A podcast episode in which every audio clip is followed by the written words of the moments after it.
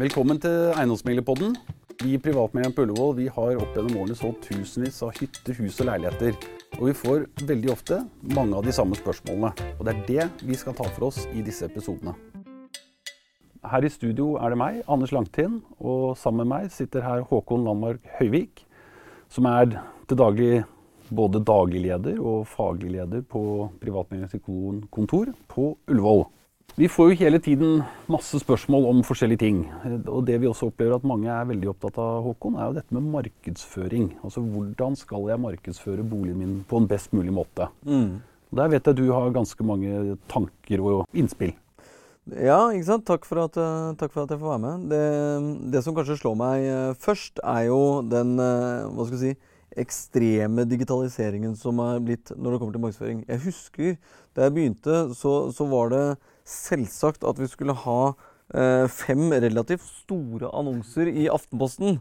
Det var ganske dyrt, husker jeg også. Og det var forferdelig dyrt. Hvis ikke husker feil, så kosta det nesten 30 000 Ja, på et tidspunkt så kostet det jo mer. Det kostet 33 000. Oh, ja. ja, det stemmer det. Det kjøpte man jo uh, over en lav sko, uh, ene og alene fordi uh, digital markedsføring var, var, enda mye dyrere på den tiden. Ja. og så var det for all del Finn i tillegg, men der følte man at man drukna litt. da. Ja. Så det ble, det ble, helt logisk å, å, være i avis. Ja. Um, så vi skal komme litt, litt, tilbake på det, tenkte jeg. Men, men innledningsvis så vil jeg jo si det at Eh, lytt til eiendomsmegleren din. Eiendomsmegleren du har på besøk, er den som, som kjenner eh, nærmiljøet, kjenner trendene, kjenner utviklingen osv. best. Ja. Eh, men vær snill også og fortell hva du har lyst til å ja. markedsføre.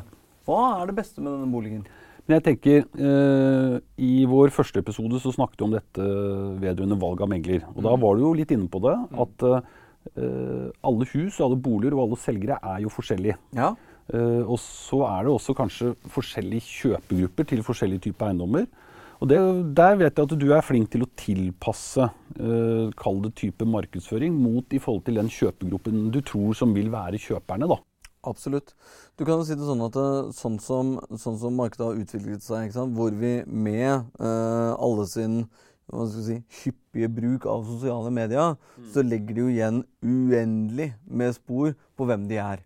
Uh, og det er det selvfølgelig noen, noen smarte uh, hva skal jeg si, datateknologer Nerds, som, som, ja. nerds uh, ved bruk av algoritmer som, som klarer å spore. Og Det er klart at det kan vi bruke til vår fordel. Så er det jo ingen tvil om at det helt, det helt opplagte, eh, en, en ettroms i, i, sentrum av Oslo, eh, har eh, en viss type kjøpegruppe, mens en, mens en større, større, bolig, kall det familiebolig, har en helt annen. Eh, og det er klart det at det å tilpasse markedsføringen til å treffe riktig, er alfa og omega. Ja. Det, det, er jo ikke noe konkurranse om å nå flest.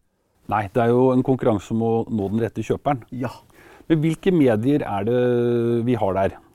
Altså, du kan si det sånn, den, den aller aller største aktøren er eh, selvfølgelig eh, Skipsted i Norge. Eh, samtidig så Altså finn.no. Finn.no. Eh, så er det jo ingen tvil om at eh, Facebook er jo verdens største annonsør.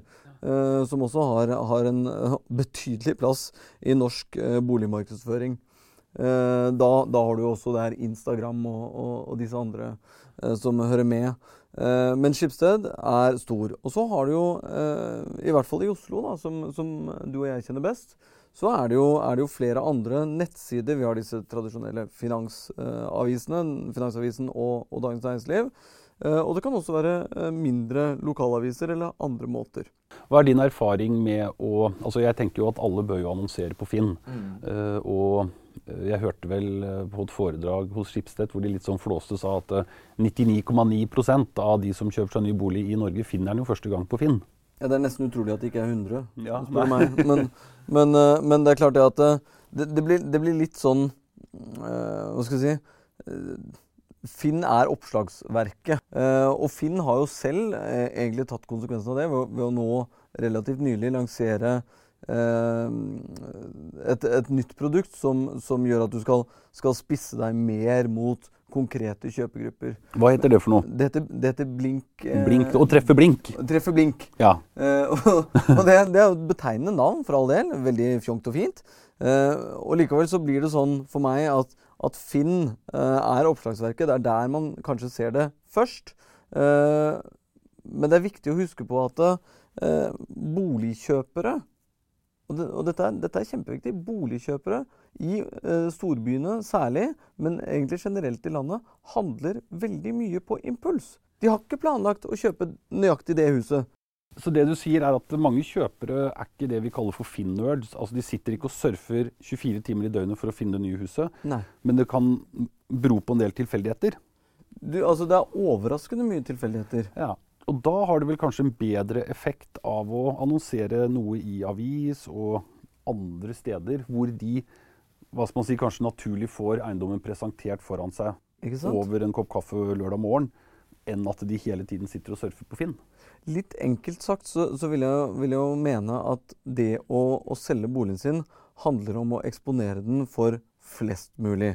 Samtidig så handler det jo om å treffe eh, riktigst mulig. Eh, og, og, det er klart at det, med, med, all den markedsføringen som er på nett, eh, så vil du til enhver tid treffe de du nettopp omtalte som Finnerds, som sitter og tråler opp og ned, får e-posten med hva nytt som er lagt ut osv. De, de, de treffer du uansett. Ja. Men hvis du da skal ha med eh, noen flere, og det er jo det auksjonsprinsippet, eller budrunden, som, som alle boligselgere og meglere drømmer om, eh, det, det, er jo, det er jo de ekstra som gjør at du kan uh, på en måte kan garantere deg? Få den prisen som du virkelig drømte om. Ja. Da må du ha de ekstra. Og det kommer du ikke til, tør jeg påstå, uten å uh, markedsføre da bredere enn det som egentlig paradoksalt nok har blitt standarden. Ja. Jeg hører jo også reklamer, og jeg hører jo meglere også fortelle om at de har så store kunderegister. De har så mange søkere ja. som ligger inne og sånn. har du noe erfaring med det? Hva tenker du om det? Bør man markedsføre det kun ut til interessenter som allerede er kunder i butikken, eller hvor bredt, eller?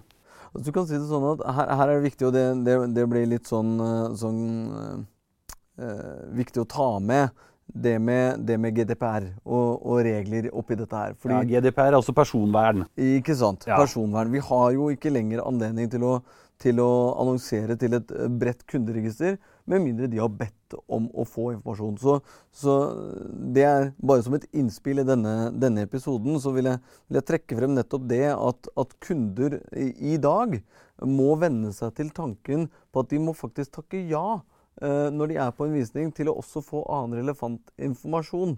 Eh, ja, ikke, det er godt du sier. Ikke Hvis ikke så, så, vil de ikke få den informasjonen som de kanskje tenker at eh, ja, men nå får jeg alt mulig rart fra det den eiendomsmeldingskjeden. Ja. Det vil de faktisk ikke kunne få lenger, ja. med mindre de har samtykket til det. Så, så det, er, det, er, et klart råd i den forbindelse. Men det var en avsporing. Jeg, jeg, jeg tenker de, de, hva skal vi si, viktigste eh, elementene rundt markedsføringen handler om eh, å få frem hva skal vi si, riktig kundegruppe. Få frem hvem som er eh, kjøperen, og så markedsføre mot de. En også viktig del i det med markedsføringen er jo prisfastsettelsen. Mm. Eh, det har det jo vært snakket mye om, i hvert fall her i byen. Så har vi jo, ikke, ikke egentlig bare i Oslo, men i andre Neida. byer rundt omkring i Norge, så, så, har det jo vært et problem med det man har kalt for lokkepriser og en del sånne elementer som meglerne hva skal man si, en periode hadde var litt sånn eh, Det var jo et problem? Det var et problem. Ja. Men det med prisfastsettingen er jo også en ekstremt viktig del av markedsføringen. For det er jo da du setter en signalpris mm. til alle de du har lyst til å ha med i denne auksjonen, eller mm. budrunden som du snakker om. Mm. Er det mye taktisk prising? Jeg syns jo det elementet av taktisk prising ble, ble, veldig endret etter at man fikk helt klare retningslinjer for, for hvordan prisfastsettelsen skal skje. Så det er klart det at Sånn som, sånn som eiendomsmegler jobber i dag, så, så, legges det jo til grunn et, en uh, stor analyse for å finne hva er eh, riktig pris på denne eiendommen. Ja, altså det, men, det, men så det du sier, er at det er eiendomsmegleren som setter prisen, ikke takstmannen? Eiendomsmegleren setter prisen, ikke Ja. takstmann. Ja. Og Det, det, Det er jo veldig bra du tar opp, for det, for det var, jo, var jo veldig relevant før. Det var, det var takstmann som, som satte, satte spikeren i kista på, på, på, på hva den boligen skulle være verdt. Eh, og og så, så var det jo, og det, det er verdt å nevne det også, eiendomsmeglerne som sa det at men vet du hva, det, det er vi som kjenner markedet, og takstmenn, det, det der kan vi best. Jeg ser jo en del eh, kollegaer både i vår egen kjede og andre har en tendens til å prise noen bolig som det ser ut som du skal kjøpe smågodt. Altså Det kan gjerne koste 6 990 000. Ja, ja. Hva tenker du om sånn type prising? Altså Personlig så er jeg jo, er jeg jo imot det. Eh, jeg syns det er, er, er tullete. Eh, for det er som du sier, da. Vi, vi selger tross alt ikke smågodt. Vi selger eh, eiendom, og, og vi selger en, en viktig investering for personer eh, som, som skal bo. Eh, og da må på en måte den, den seriøsiteten i, i prisingen gjenspeiles eh, i, i prisantydningen. Så når du da markedsfører en bolig for salg på alle disse kanalene som du har vært innom, så, eh, og du setter denne prisen på, på 7 millioner, da, Mm. er det da da kan, da kan kjøperne, og- eller unnskyld, interessentene som kommer, Mm. de kan da forvente at det er en realistisk pris. Og hvis selgeren bare får et bud, og det er på 7 millioner, Mm. så vil han selge for det. Ja, altså i, I de aller aller fleste tilfeller så, så ikke bare vil han selge for det, han bør selge for det. Ja. Og så er det selvfølgelig viktig å ta med i den settingen at en, en selger har alltid siste ord eh, for hva boligen skal selges for. Det kan, være, det kan være mange årsaker til det, uten at vi skal gå så, så tett inn på det. Men, men i de aller, aller, aller fleste tilfeller så vil eh, selger akseptere et bud på prisantydning. Og da er det egentlig det har jo vært mye dialog ikke sant, mellom eiendomsmegler og selger på forhånd. Er, er vi komfortable med det? Enhver selger vil ha så mye som mulig. Det er helt Selvfølgelig. logisk. Det er helt logisk. Eh, men, men, men da har man på en måte konkludert. Ok, vi er komfortable med det prisnivået her. Og det er det vi går ut på. Det er det vi markedsfører med. Så det vi har, markedsføringen blir jo da viktig, for det er jo det som da leder opp til dette store, forhåpentligvis, eh, sirkuset. Ja. Som eh, neste steg blir jo dette med visning. Ja. Og etter visning så kommer jo budrunden, eller auksjonen, som man også litt kan kalle det. Det skal vi ta opp i neste episode, dette med visning og budrunde. Tusen takk igjen, eh, Håkon. Veldig mange gode, nyttige tips og råd for mange av lytterne våre. Bare hyggelig. Her i studio er det meg, Anders Langtin og Håkon Danmark Høyvik, som sitter og forteller deg om alt du bør og ikke bør gjøre på vår eiendomsmeglerpodkast. Ha det bra. Ha det bra!